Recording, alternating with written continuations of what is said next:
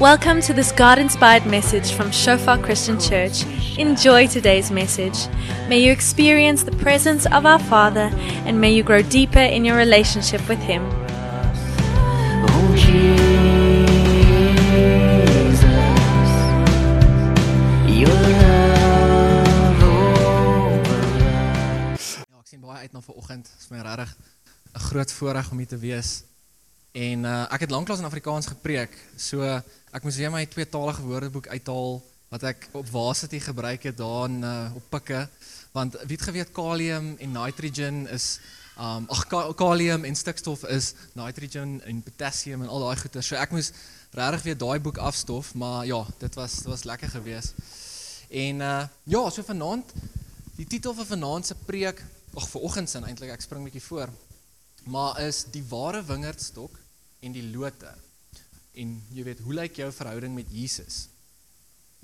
En ek wil begin met met 'n eenvoudige vraag. Wie is Jesus Christus? En hoe lyk jou verhouding met hom? As jy aan 'n paar beskrywende woorde kon dink om daai verhouding te beskryf, wat sou dit wees? Sou dit iets wees soos jy weet, dis nog onder konstruksie, um dis bietjie wankelend, uh dalk is dit rotsvas. Um daar's nog iets wat jy nie lekker verstaan nie of um dis ingewikkeld. Selfs dit bestaan nie. En hierdie is 'n retoriese retoriese vraag, maar wie van julle het te doen met menseverhoudings? Het sy 'n vriend, familielid, kollega of 'n huweliksmaat? Dis dis almal van ons. En wie wie hier kan sonder twyfel sê dat daai menseverhoudings perfek is? Ons almal laat ander in die steek, ander teleurstel ons en dis net bloot oor die feit dat ons gebroke is. Ons is onvolmaak en ons het 'n sondige natuur. Maar vanoggend wil ek ons kom bemoedig dat dat dat Jesus is die persoon wat perfek is en volmaak is en dat hy die een is wat in verhouding met ons wil wees en dat hy perfek is in elke opsig. In Johannes 14 vers 6 verwys Jesus na homself as die weg, die waarheid en die lewe en dan in, in Johannes 15 sien ons waar hy praat van waar hy na homself verwys as die wingerdstok. En dis 'n mooi skrifgedeelte want dit dit dien as 'n as 'n as 'n inligtingbron oor wie Jesus is, wie hy is, hoe verhouding met hom lyk, wat dit beteken om in hom te bly. En dit lei ons dan na vanoggend se se stelling. OK, so die stelling van vanoggend is omdat Jesus die ware wingerdstok is, moet ons in hom bly. En voordat ek begin, wil ek net vir ons uh, oopmaak in gebed. Here, ja, U is goed. Ons verheerlik U vir oggend. Um Heilige Gees kom praat met ons deur die woord. Dankie vir U woord um wat mee ons meer van U leer en wat ons regtig lewe gee, Here. Kom um, praat met ons, Here. Ons nooi U in en ja, ons loof U vir vir wat U doen en wie U is. In Jesus naam. Amen. OK, so die skrifgedeelte van vanoggend is Johannes 15 vers 1 tot 11, maar voordat ek met dit begin, wil ek net ons bietjie konteks gee oor Johannes. So die evangelie van Johannes was geskryf deur Johannes. Hy was een van die 12 disippels. Hy was ook 'n apostel en hy het ongeveer in 85 AD hierdie evangelie geskryf. So ons kyk nou na 50 jaar nadat Jesus opgevaar het na die hemel. En wat Johannes spesiaal maak is die feit dat as jy as jy Johannes vergelyk met die ander evangelies, Matteus, Markus, Lukas, dan is Johannes baie uniek want daar is 'n die die mees algemene teorie is dat Markus eers geskryf was en toe het Lukas en Matteus Markus gebruik as 'n beginpunt en toe het hulle hulle evangelies geskryf en natuurlik ook uitgebrei oor die gebeurtenisse vanuit hulle eie perspektiewe. So die uiteinde was dan dat Matteus, Markus, Lukas is is is redelik dieselfde, die gebeurtenisse oorvleuel. Maar as ons na Johannes kyk, die meeste van sy gebeurtenisse is uniek. Maar mense sien dit nie in die ander evangelies nie. En hy het hierdie evangelie geskryf na vir vir of aan nuwe gelowiges, soekende ongelowiges. Het hy hierdie evangelie geskryf en die doel van die rede hoekom hy dit geskryf het, sta, staan in Johannes 20 vers 31. Hy het geskryf sodat ons kan glo dat Jesus die Christus is, die seun van God en sodat ons deur te glo in sy naam die lewe kan hê. So Johannes het absoluut op Jesus se identiteit gefokus, wie hy waarlik is. En hy het ook meer as die ander um, ander skrywers, Matteus, Markus, Lukas, het hy ook meer op Jesus se goddelikheid gefokus. En in Johannes verwys hy na Jesus as die Messias, die woord, die enigste seun van God, die weg, die waarheid, die lewe, die hek, die goeie herder, die lewe, die opstanding en dan die wingerdstok. En hierdie teks wat ons gaan lees vind plaas in die laaste week van Jesus se bediening op die aarde, daai donderdag aand net voor sy kruisiging, die Vrydag. Hy en sy disippels was op pad na die tuin van Getsemane toe, toe begin hy hulle leer van die wingerdstok en die lote. Miskien het hulle verby 'n wingerd gestap op pad soontoe, ons weet nie. Maar die punt is is dat hierdie vorm deel van Jesus se afskeidsgesprek met sy disippels. Hy het hulle voorberei vir sy hemelvaart, die feit dat hy gekruisig is en dan gaan opstaan en dan opgaan vaar na hemel toe. So hy het hulle voorberei daarvoor want hulle was geroep om met sy bediening voort te gaan nadat hy opgevaar het. So kom ons lees nou saam. Johannes 15 vers 1 tot 11. Ek is die ware wingerdstok en my Vader is die boer. Elke loot aan my wat nie vrugte dra nie, sny hy af maar elkeen wat vrugte dra, snoei hy reg sodat dit nog meer vrugte kan dra. Julle is alreeds reg gesnoei deur die woorde wat ek vir julle gesê het. Julle moet in my bly en ek in julle. 'n Loot kan nie uit sy eie vrugte dra as hy nie aan die wingerdstok bly nie. En so julle ook nie as julle nie in my bly nie. Ek is die wingerdstok, julle die lote. Wie in my bly en ek in hom dra baie vrugte. Want sonder my kan julle niks doen nie. As iemand nie in my bly nie, word hy weggegooi soos 'n loot en hy verdroog. Die mense maak sulke lote bymekaar en gooi dit in die vuur en dit verbrand. As julle in my bly en my woorde in julle, vra dan net wat julle wil hê en julle sal dit kry. My Vader word juis daardeur verheerlik dat julle baie vrugte dra en my disippels is. Soos die Vader my liefhet, het ek julle ook lief. Julle moet in my liefde bly. As julle my opdragte uitvoer, sal julle in my liefde bly, net soos ek die opdragte van my Vader uitvoer en in sy liefde bly. Dit sê ek vir julle sodat my blydskap in julle kan wees en julle blydskap volkome kan wees. En ek kan eintlik regtig net die preek daar afsluit en sê die woord het gepraat julle, okay, kom ons gaan pas dit toe. Kom ons gaan uit en doen dit. Maar kom ons kom ons um gaan bietjie dieper.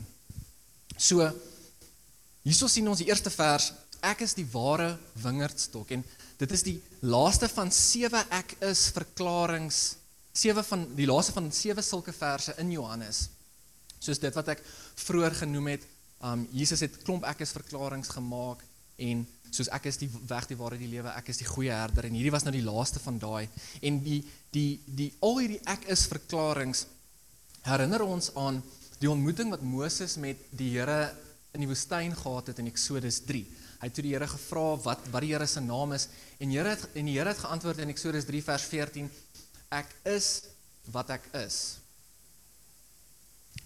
Maar wat vertel dit ons van God presies?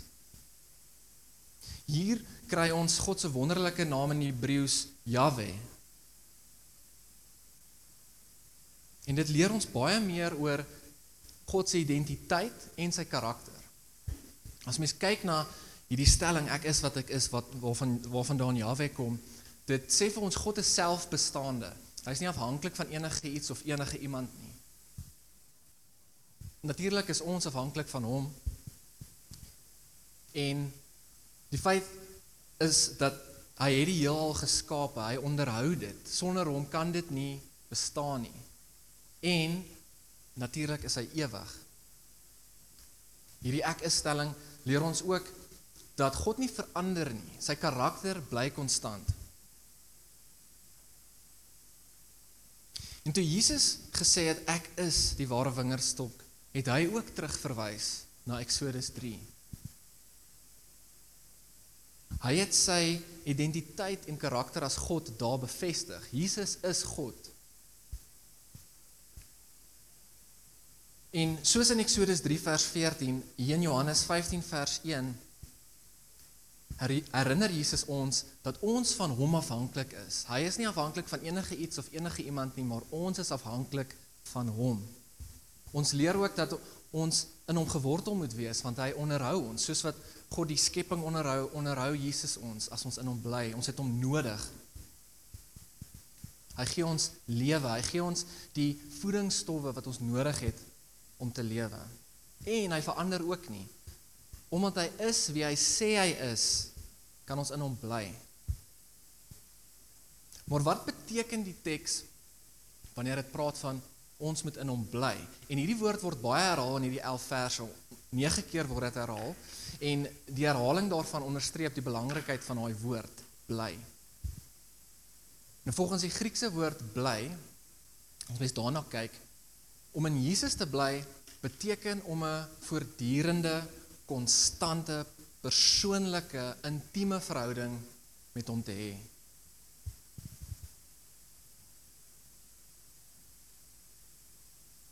En dit is regtig 'n daaglikse verhouding. Dit is konstant en en mens sien dit prakties in 'n mens se lewe wanneer 'n mens moet daagliks herhaaldelik bekeer van mense sonde, herhaaldelik moet terugdraai na Jesus, herhaaldelik um moet jou hart oopmaak vir hom.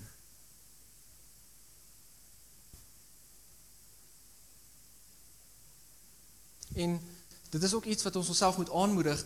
Dit is in gebed lyk dit nou weer soos 'n tipe soos 'n daaglikse gesprek wat jy met Jesus het. Mens kan nie dit net in mense stilte tyd beperk nie. Mens kan regtig met Jesus praat in gebed in mense kar of wanneer mense gaan stap of by die werk of wanneer mens skool goed was. Dis regtig iets van 'n daaglikse gesprek wat mens met die Here het. Natuurlik ook dan tyd in sy woord spandeer. Ons is geroep om heeltemal in Jesus gewortel te wees en volkome op hom te vertrou. En hierdie is nie soos 'n menseverhouding waar mense mense teleurstel en seermaak nie. Hierdie is 'n verhouding met God homself. Jesus is die ware wingerdstok en hy is volmaak en sal nooit teleurstel nie. Hy is regtig die konstante in ons lewens, hy onderhou ons. En ons ons sien hoe Jesus hierdie belangrikheid van die verhouding uitlig deurdat hy herhaaldelik sê bly in my. En natuurlik bly Jesus dan ook in ons want hy wil verhouding met ons hê. Nou uit God se goedheid is daar nog wonderlike gevolge wanneer ons in in hierdie persoonlike verhouding met hom is. En die eerste van daai gevolge is as ons in 'n persoonlike verhouding met hom bly, sal ons vrugte dra. En dit word ook herhaaldelik um, lees ons dit in die teks. Hy is die wingerdstok, ons is die lote. As ons in 'n persoonlike verhouding met hom is, sal ons vrugte dra. En ons weet hoe hierdie vrugte lyk. Wanneer ons na Galasiërs 5 kyk, lys Paulus hulle liefde, vreugde, vrede, geduld, vriendelikheid, goedhartigheid, getrouheid, nederigheid en selfbeheersing. Duidelik is hierdie vrugte goed, want Christus is goed. En dis opmerklik dat in die Ou Testament in Jesaja 5 en 27 was Israel verwys as die wingerd. Hulle was veronderstel om vrugbaar te wees, om vrug te dra, om om die die werk van die Here op die aarde te doen. En hulle het nie geslaag daarin nie, net soos ons ook nie kan slaag daarin nie. En Jesus vergelyk met Israel, maar hy is die ware wingerdstok. En hy maak dit moontlik om vrugte te kan dra. Hy's die een wat die vrugte in ons produseer. Ons kan glad nie goeie vrugte dra sonder Jesus nie. Ons kan natuurlik baie slegte dinge doen, bose dinge doen, ons kan aangaan met ons sonde. Daar's baie dinge wat ons sonder Jesus kan doen, maar niks is goed daarvan nie. En wat ons sonder Jesus doen, het ook niks ewige waarde nie. Wat is die punt om iets sonder Jesus te doen? Wat sal dit ons baat? So 'n persoon wat nie 'n verhouding met Jesus het nie, is geestelik dood, afgesonder van Christus, slegte of geen vrugte. En niks wat wat wat mens dan kan doen het enige goddelike of ewige waarde nie. Baie mense probeer om goeie mense te wees, om eerlik te wees, om die regte ding te doen. Ons kan nie. Dit werk nie so nie. Jesus sê hier dat die enigste manier om 'n goeie lewe te leef is om naby aan hom te leef. soos 'n lood geheg aan 'n wingerdstok. Maar ons moet hierdie verhouding met Jesus kies. Dis nie iets wat van self kom nie. Dit is 'n 'n bewustelike keuse van ons kant af om in verhouding te tree met Christus. En hy wil hê dat ons vrug dra. En nie net 'n paar vrugte nie, maar baie vrugte. En hoe laat God dit gebeur? As ons in 'n persoonlike verhouding met hom bly, sal ons gesnoei word. Vir gelowiges om baie vrug te dra, moet die boer, die Vader, die lote snoei. Hy moet ons snoei. Die wie nie vrug dra nie, wie nie 'n persoonlike verhouding met Jesus het nie, word afgesny. Waar hulle dan geoordeel en in die vuur gegooi gaan word. 'n Ware gelowige dra goeie vrugte en baie vrugte en dit gebeur deur die snoeiwerk van die Vader. En natuurlik is dit ook nie onmiddellik nie. Die hart die die oomblik wat jy jou hart vir die Here gee is nie is die snoeiwerk nie voltooi nie. Dit is 'n lewenslange proses. En die Griekse woord vir snoei word soms in die Bybel gebruik om reiniging of skoonmaking te beteken. So in 'n sin, hierdie snoeiwerk is 'n skoonmakingsproses waar God als wegsny wat nie van hom af is nie. Als wegsny wat nie goed is vir ons nie. Dit kan ook gesien word as 'n vorm van dissipline waar die snoeiwerk ons vorm, ons karakter bou en ons geloof versterk.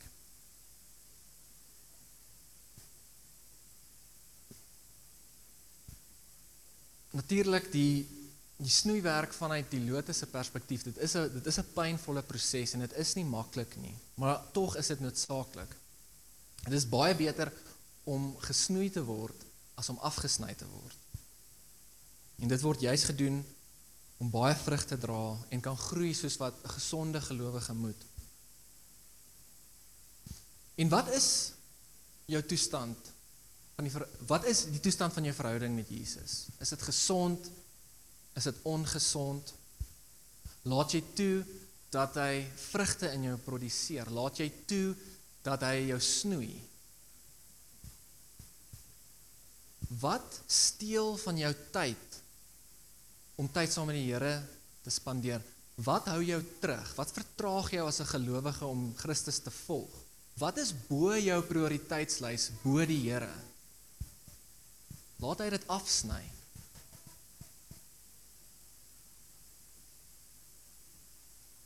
Boonop om vrug te dra verheerlik God. Dit verheerlik sy naam want soos 'n boer as 'n boer 'n 'n mooi wingerd het, dan kry hy komplimente vir die goeie werk wat hy gedoen het. En ons vrugte beklemtoon God se werk in ons. Dit gee eer aan hom en dit wys die samelewing hoe dit moet lyk as mense met mekaar te doen het, as mense verhoudings het. Hoe dit hoe moet dit lyk? Hoe weet ons as iemand 'n disipel is? Jy kyk na sy of haar vrugte. En hoe lyk jou vrugte as jy nou self moet evalueer? Kom ons koester ons verhouding met Jesus. Ons ons weet dat ons gesnoei gaan word, maar dit is goed vir ons en dit verheerlik sy naam. Watter ander effek het hierdie verhouding met Jesus? As ons in 'n persoonlike verhouding met hom bly, sal ons gebedslewe floreer. Nou hoe so? Omdat Jesus die ware wingerdstok is, kan ons volkome in hom vertrou en dit beteken dat ons nie net kan hom vertrou in wie sy identiteit en sy karakter nie, maar ook in sy woorde wat hy ons leer. En so moet ons soos ons geroep om sy leringe te ken en daarin te glo. Jesus gee ons die opdrag om in sy woorde, om sy woorde in ons te laat bly. So dit beteken dat ons soos wat ons die skrif lees, moet ons dit inneem. Ons moet daar redeneer. Dit moet gaan van ons koppe na ons harte toe en dan na ons hande toe. Dit moet ons denke transformeer. Dit moet ons karakter, ons hart transformeer. Dit moet ons dade transformeer. Die gewig om mens se Bybel op 'n daaglikse basis te lees kan nie onderskat word nie. Ek meen dit is hoe God ons leer wie hy is en hoe om volgens sy wil te lewe. En as ons 'n goeie gewoonte het om in sy woord in te klim, gaan daai intimiteit van skriflesing oorgedra word na intimiteit in gebedslewe met die Here. Want nou weet ons wie die Here is, ons weet wat sy wil is en ons kan volgens sy wil bid. Ons kan groei in eenheid met die Here in gebed. Ons kan dit bid wat hom behaag, wat hom tevrede stel. Ons gebedslede sal floreer soos wat ons bid wat God behaag. So en dit lei ook na beantwoorde gebede. Dan beweeg ons van 'n plek van selfgesentreerde gebede na Christus gesentreerde gebede. En daar's nog iets waaraan ons moet bly. Ons bly in verhouding met Jesus en dan omdat Jesus die ware wingerdstok is, moet ons in sy liefde bly. En dit is interessant om op te merk dat Paulus hy lys waar hy die vrugte lys in Galasiërs 5 vers 22. Eerste een is liefde. En wanneer ons dit koppel met die bekende vers Johannes 3 vers 16 want so lief het God die wêreld gehad en ons koppel dit met Jesus se opsomming van die wet, liefde vir God, liefde vir mense. Kan ons sien dat liefde is 'n kritiese komponent van God se karakter. In in Johannes 1 Johannes 4 vers 8 leer ons dat God self liefde is. So wat gebeur as ons in Jesus se liefde bly? As ons in sy liefde bly, sal ons in gehoorsaamheid groei. So dis waar dat ons nooit God perfek kan lief hê nie.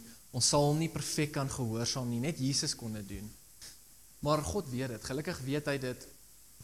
En hy weet ons skiet tekort. En ons weet dat ons nie gered word deur dade nie, maar geloof in Jesus. God is so genadig.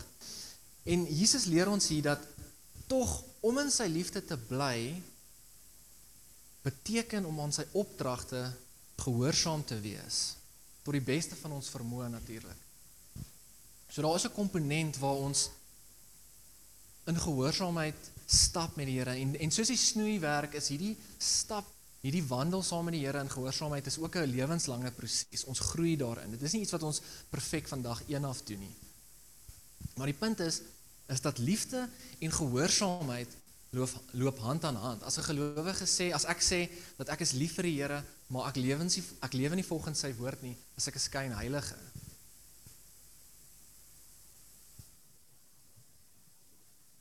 So terwyl ons in hierdie persoonlike verhouding terwyl ons in hierdie persoonlike verhouding met Jesus is, toon ons ons liefde deur hom gehoorsaam te wees aan sy opdragte. En na sy woorde te luister en dit van ons van ons gedagtes na ons hart, na ons hande te oor te dra. En soos wat ons saam met Jesus stap in verhouding met hom bly, leer ons om hom te volg, want ons maak foute. Ons leer hom dit uit te leef wat hy ons leer en ons moet herhaaldelik weer terugkeer na hom en bekeer wanneer ons van sy opdragte wegdwaal.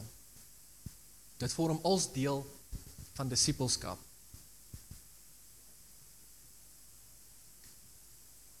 En ons kan bemoedig word deur die feit dat ons ook baie vreugde het in sy liefde. Ons het baie ons kan baie blydskap ervaar wanneer ons in sy liefde bly. As ons in sy liefde bly, sal ons blydskap volkome wees. Die liefde van Christus is perfek en met die kruisiging, die kruisiging dien as die perfekte voorbeeld daarvan. En om Jesus se liefde te ken en te ervaar is om volkomme blydskap te ken. Hierdie liefde is soveel groter as tussen 'n man en 'n vrou en tussen 'n ouer en 'n kind. En soms onderskat ek die liefde van God. Ek ek was weer herinner aan 'n uh, 'n liedjie van John Mark Macmillan How He Loves. En daar sê die lirieke dat He is jealous for me. Loves like a hurricane, I am a tree. Bending beneath the weight of his wind and mercy. Daai gewig van die Here se liefde. Ek meen, wanneer laas het ons gestop en gedink en gewonder oor daardie gewig van sy liefde?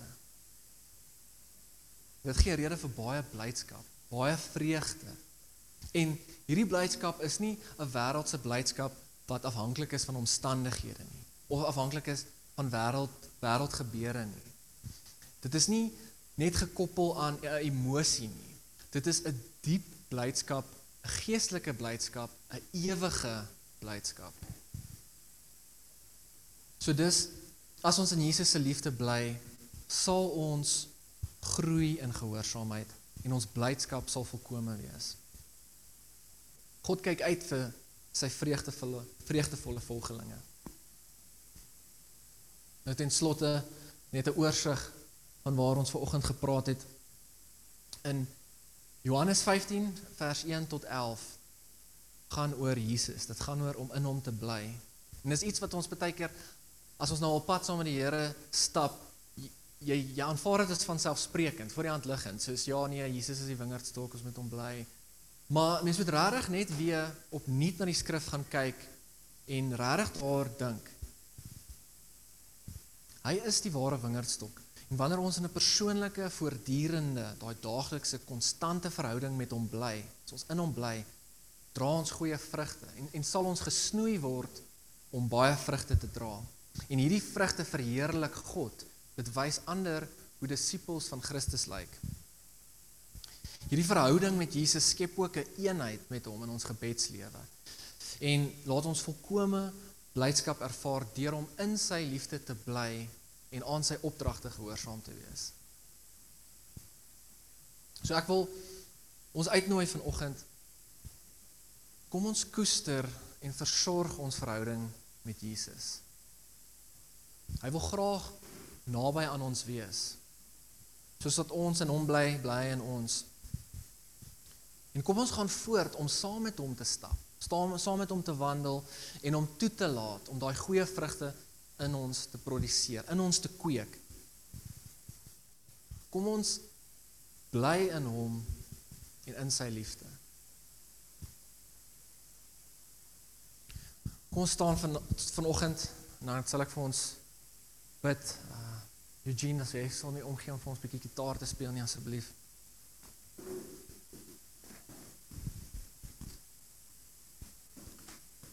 En ja, so soos ek genoem het, dit is 'n uitdaging vir ons om regtig ons verhouding met Christus te evalueer, te sien weet jy wie hy is?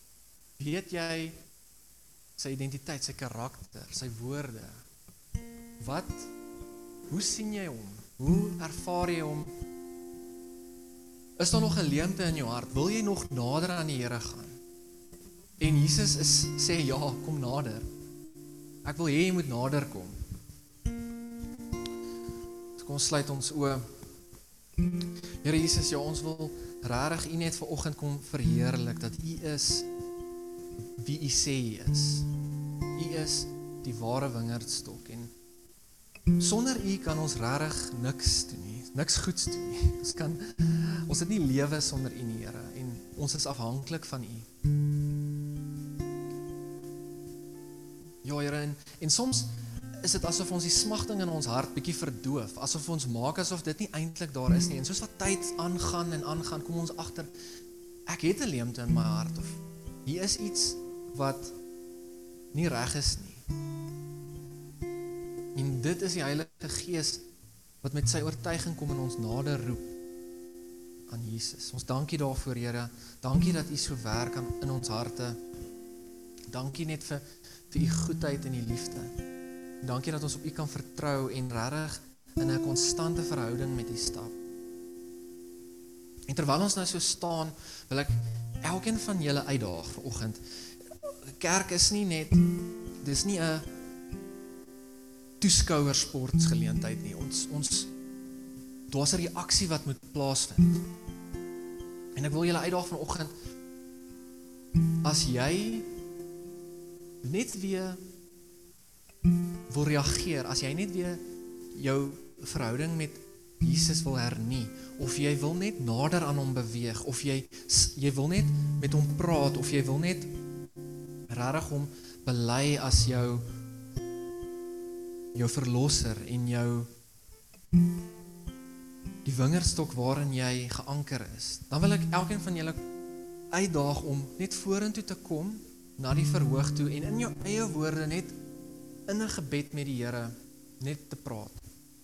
Net 'n kort gebed om net te sê wat op jou hart is, soos wat jy voel. En julle julle is welkom om vorentoe te kom en daai gebede te doen en net met die Here net weer te konnekteer met die Here. In julle eie woorde. Ja Here, ons Ja, ons kan ons is net stom geslaan Here oor u liefde dat u regtig weet Here, u weet ons is gebroken en u het dit moontlik gemaak vir ons om in verhouding met u te wees. En dit is so 'n vullende verhouding, 'n verhouding wat als te bowe gaan. Here ons loof u vir wie u is en ons sien uit vir hoe u hoe ons nog gaan groei. Here, daar's baie snoeiwerk, daar's nog baie hoe ons moet leer om in u voetstappe te volg, maar Here, ons is bereid. Ons is ons harte en ons van ons behoort aan u. Alles van ons, soos ons ver oggend gesing het. Kom werk in ons, Here. Kom lei ons sodat u naam verheerlik word, Here. Ons loof u vir wie u is. In Jesus naam.